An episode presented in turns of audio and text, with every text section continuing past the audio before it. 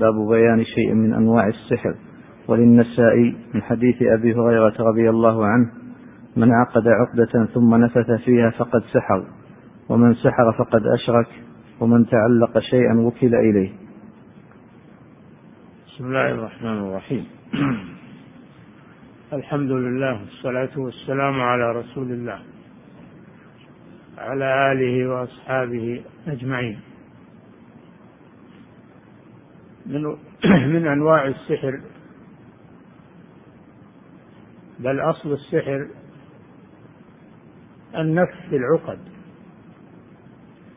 قال الله سبحانه وتعالى ومن شر النفاثات في العقد. النفاثات هن السواحر من النساء. والنفث هو النفخ بريق والعقد هي الخيوط التي تعقد مع النفس فتنفث على الخيط ثم تعقده. وهذا هو السحر الحقيقي الذي يؤثر يقتل ويمرض ويفرق بين المرء وزوجه. فهذا أعظم أنواع السحر. وأمر الله بالاستعاذة منه من شر النفاذات في العقد. من عقد عقدة ثم نفث فيها فقد سحر.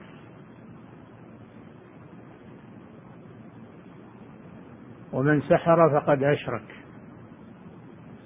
هذا دليل على كفر الساحر أنه مشرك لأنه اعتمد على غير الله لأن الساحر يستعين بالشياطين في سحره. ينفث ثم يعقد ويستعين بالشيطان في نفوذ سحره فالسحر من عمل الشياطين كما مر في الآية ولكن الشياطين كفروا يعلمون الناس السحر. السحر من عمل الشياطين والساحر يستعين بالشياطين والاستعانة بغير الله شرك. فيما لا يقدر عليه إلا الله جل وعلا. إياك نعبد وإياك نستعين. الاستعانة من أعظم أنواع العبادة. من سحر فقد أشرك. ومن تعلق شيئا وكل إليه. من اعتمد على شيء غير الله من اعتمد على شيء غير الله فيما لا يقدر عليه إلا الله وكله الله إلى ذلك الشيء عقوبة له لأن كل مخلوق فهو ضعيف محتاج إلى الله جل وعلا. فالذي يعتمد على مخلوق فيما لا يقدر عليه إلا الله فإن الله يعاقبه ويكله إلى ذلك المخلوق الذي لا يملك له نفعا ولا ضرا ولا موتا ولا حياة ولا نشورا فيجب التوكل على الله وحده كما قال تعالى وعلى الله فتوكلوا إن كنتم مؤمنين. قال تعالى ومن يتوكل على الله فهو حسبه. قال تعالى وعلى الله فليتوكل المؤمنون وعلى الله فليتوكل المتوكلون. فليعتمد المسلم على الله جل وعلا ولا يعتمد على غيره في الأمور. التي لا يقدر عليها إلا الله. أما الاستعانة بالمخلوق فيما يقدر عليه كالاستعانة به في البنيان أو الاستعانة به في حمل شيء فهذا من أعمال البر ومن أعمال الخير. التعاون على البر والتقوى والتعاون على ما ينفع هذا من أعمال الخير. لكن الذي يستعين بغير الله فيما لا يقدر عليه إلا الله من شفاء المريض أو جلب الرزق أو غير ذلك من الأمور التي لا يقدر عليها إلا الله فهذا هو الشرك الأكبر. من تعلق شيئا وكل إليه. فهذا يدل على وجوب التعلق والتوكل على الله وحده لا شريك له. نعم. والشاهد في قوله من عقد عقدة ثم نفث فيها فقد سحر. هذا يدل على أن من أنواع السحر النفث في العقد. نعم. وعن ابن مسعود أن رسول الله صلى الله عليه وسلم قال ألا هل أنبئكم العظة هي النميمة القالة بين الناس رواه مسلم. ومن أنواع السحر النميمة وهي نقل الحديث بين الناس على وجه الإفساد.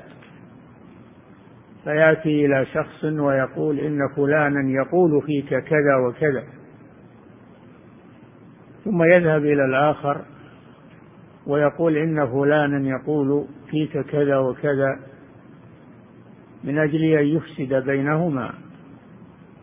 ثم تحصل المفاسد والمشاكل وربما يحصل القتال وربما يحصل التباغض بين المسلمين بسبب النمام. وقد قال سبحانه وتعالى ولا تطع كل حلاف مهين هماز مشاء بنميم. مشاء بنميم. يمشي بالنميمة بين الناس. وقد جاء في الحديث أن من أسباب عذاب القبر النميمة. فقد مر صلى الله عليه وسلم بقبرين فقال إنهما ليعذبان وما يعذبان في كبير أما إنه كبير. أما أحدهما فكان لا يستبرئ من البول أو لا يستنزه من البول. وأما الآخر فكان يمشي بالنميمة. النميمة كبيرة من كبائر الذنوب وهي تفسد بين الناس تنشر العداوة والبغضاء وهي تعمل عمل السحر لأن السحر يفرق بين الأحبة.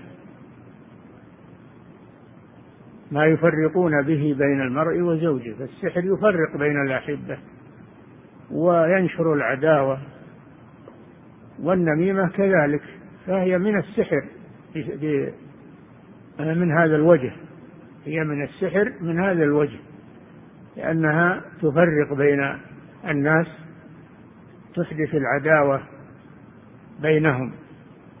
ولهذا قال صلى الله عليه وسلم في هذا الحديث ألا أنبئكم ما ألا أنبئكم. هذا سؤال يراد به التعليم. والسؤال إذا آه التعليم إذا جاء عن طريقة السؤال والجواب كان أثبت في الذهن. ألا أخبركم؟ ألا أنبئكم؟ ألا أخبركم ما العظة؟ أي ما السحر؟ فالعظه معناه السحر. وجعلوا القرآن عظيم أي سحرا. فدل على أن النميمة نوع من أنواع السحر. وقد قيل إن الساح إن النمام يفسد في ساعة ما يفسده الساحر في سنة. النمام أشد من الساحر في الإفساد بين الناس. يفسد في ساعة ما يفسده الساحر في سنة. والعياذ بالله. فيجب على المسلم أن يتجنب النميمة وهي نقل الحديث بين الناس على وجه الإفساد والتحريش. فهذا محل الشاهد أن النميمة نوع من أنواع السحر بل هي من أشده. نعم. ولهما عن ابن عمر رضي الله عنهما أن رسول الله صلى الله عليه وسلم قال إن من البيان لسحرا ومن أنواع السحر البيان وهو البلاغة في الكلام. البلاغة والفصاحة في الكلام لأن البيان يؤثر على الناس تأثيرا واضحا. البليغ والفصيح إذا تكلم يستصغي السامع ويؤثر فيه.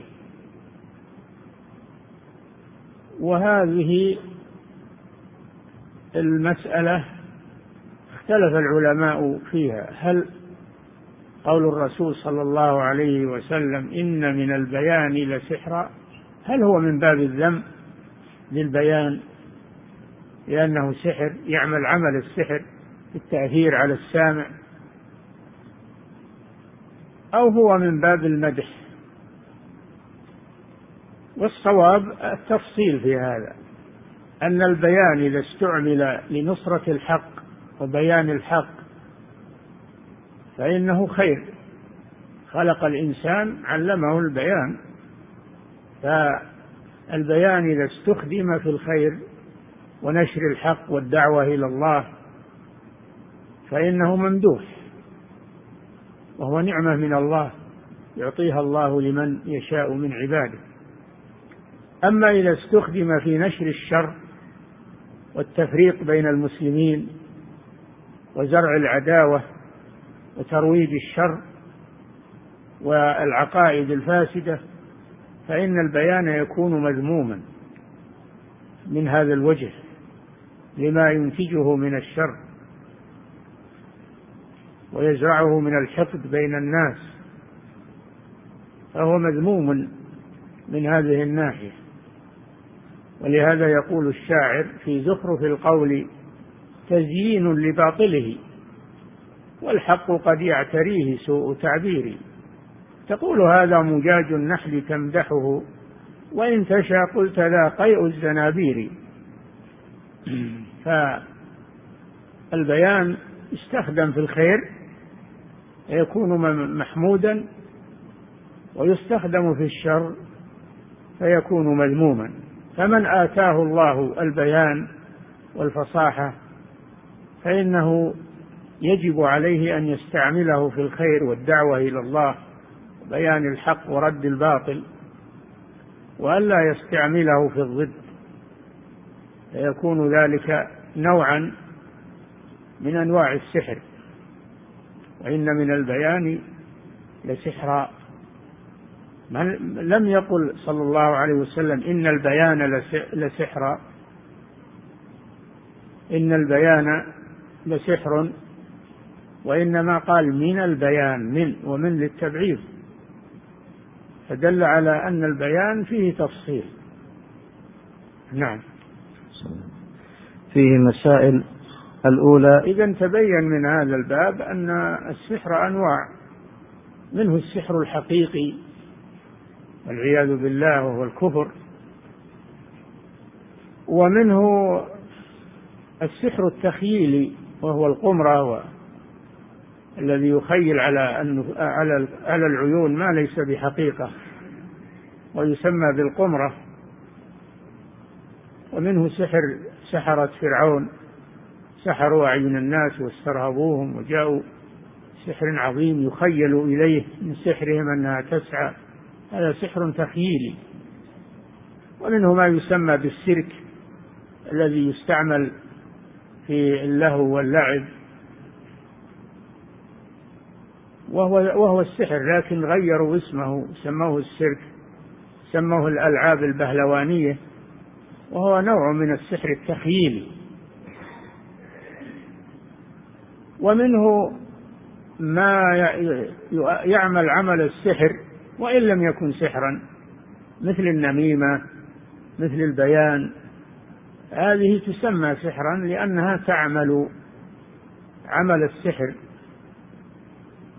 فتسمى سحرا من هذا الوجه. نعم. فيه مسائل الأولى أن العيافة والطرق والطيرة من الجبت. أن العيافة أن العيافة والطرق والطيرة من الجبت والجبت سبق أنه السحر فدل على أن هذه الأنواع من أنواع السحر والعيافة كما سبق زجر الطير والطرق الخط يخط بالأرض والطيرة هي التشاؤم بالأشياء تشاؤم بالأشياء إذا رآها يتشاءم ويرجع عن مقصوده إن كان هم بسفر أو شيء فإذا رأى ما يتشاءم به عدل. وفي الحديث الطيرة ما أمضاك أو ردك. نعم. الثانية تفسير العيافة والطلق. نعم. فسرها عوف لأن قال العيافة زجر الطير يعني تشاؤم بالطيور وحركاتها. والطرق الخط يخط في الأرض لأجل الإخبار عن المغيبات. وهذا يسمى بالرمال الذي يخط في الرمل. يستعين بالشياطين وإلا فالخط لا ي... الخط لا يؤدي شيئا لكنه يعمل هذا العمل يستعين بالشياطين مثل الذي يعقد الخيط ينفث فيه. هذا ليس عقد الخيط والنف فيه هو الذي لكن استعانته بالشياطين عند ذلك هو الذي يجعل فيه هذا الشر. نعم. الثالثة أن علم النجوم نوع من السحر. أن علم النجوم وهو الاستدلال بالنجوم على الحوادث إذا ظهر النجم الفلاني يحدث كذا وإذا غاب يحدث كذا هذا من السحر. نوع من أنواع السحر وهو ما يسمى بعلم التأثير. هذا نوع من أنواع السحر. فالمنجمون سحرة. لأنهم يستعينون بالشياطين ويسندون الأمور إلى غير الله إلى النجوم حركاتها. وأما الاستدلال بالنجوم على الحساب وعلى القبلة وعلى جهة السير فهذا يسمى علم التسيير وهذا مباح. وهو الذي جعل لكم النجوم لتهتدوا بها في ظلمات البر والبحر. وعلم الحساب للزراعة وللنبات وهذا لا بأس به. طلوع النجوم أو وقت طلوع النجم هذا يكون آه، وقتا للبذور ووقتا للزراعة ووقتا ل... هذا لا بأس به. وهذا يسمى علم التسيير. وهو مباح. نعم. الرابعة العقد مع النفس من ذلك. الرابعة أن العقد مع النفس في الخيط أنه من السحر بل هو أصل السحر وأعظم أنواع السحر. نعم. الخامسة أن النميمة من ذلك. أن النميمة من السحر وعرفنا وجه كون النميمة من السحر لأنها تؤثر كما يؤثر السحر. السحر يفرق بين المرء وزوجه والسحر كذلك يفرق بين الناس ويحدث العداوة والبغضاء. فتجد النمامين في المجتمع يفسدون المجتمع وينشرون الشر والتحريش بين الناس. نعم. السادسة أن من ذلك بعض الفصاحة. أن من ذلك بعض الفصاحة. ما هو كل الفصاحة؟ الفصاحة ما منها ما هو محمود وهو ما يستعمل في الخير ومنها ما هو مذموم وهو ما يستعمل في الشر وترويج الشر والحجج الفاسدة والشبهات ترويج الشبهات على الناس. نعم. باب ما جاء في الكهان ونحوهم. يكفي. الله تعالى أعلم وصلى الله وسلم على نبينا محمد على آله وأصحابه أجمعين.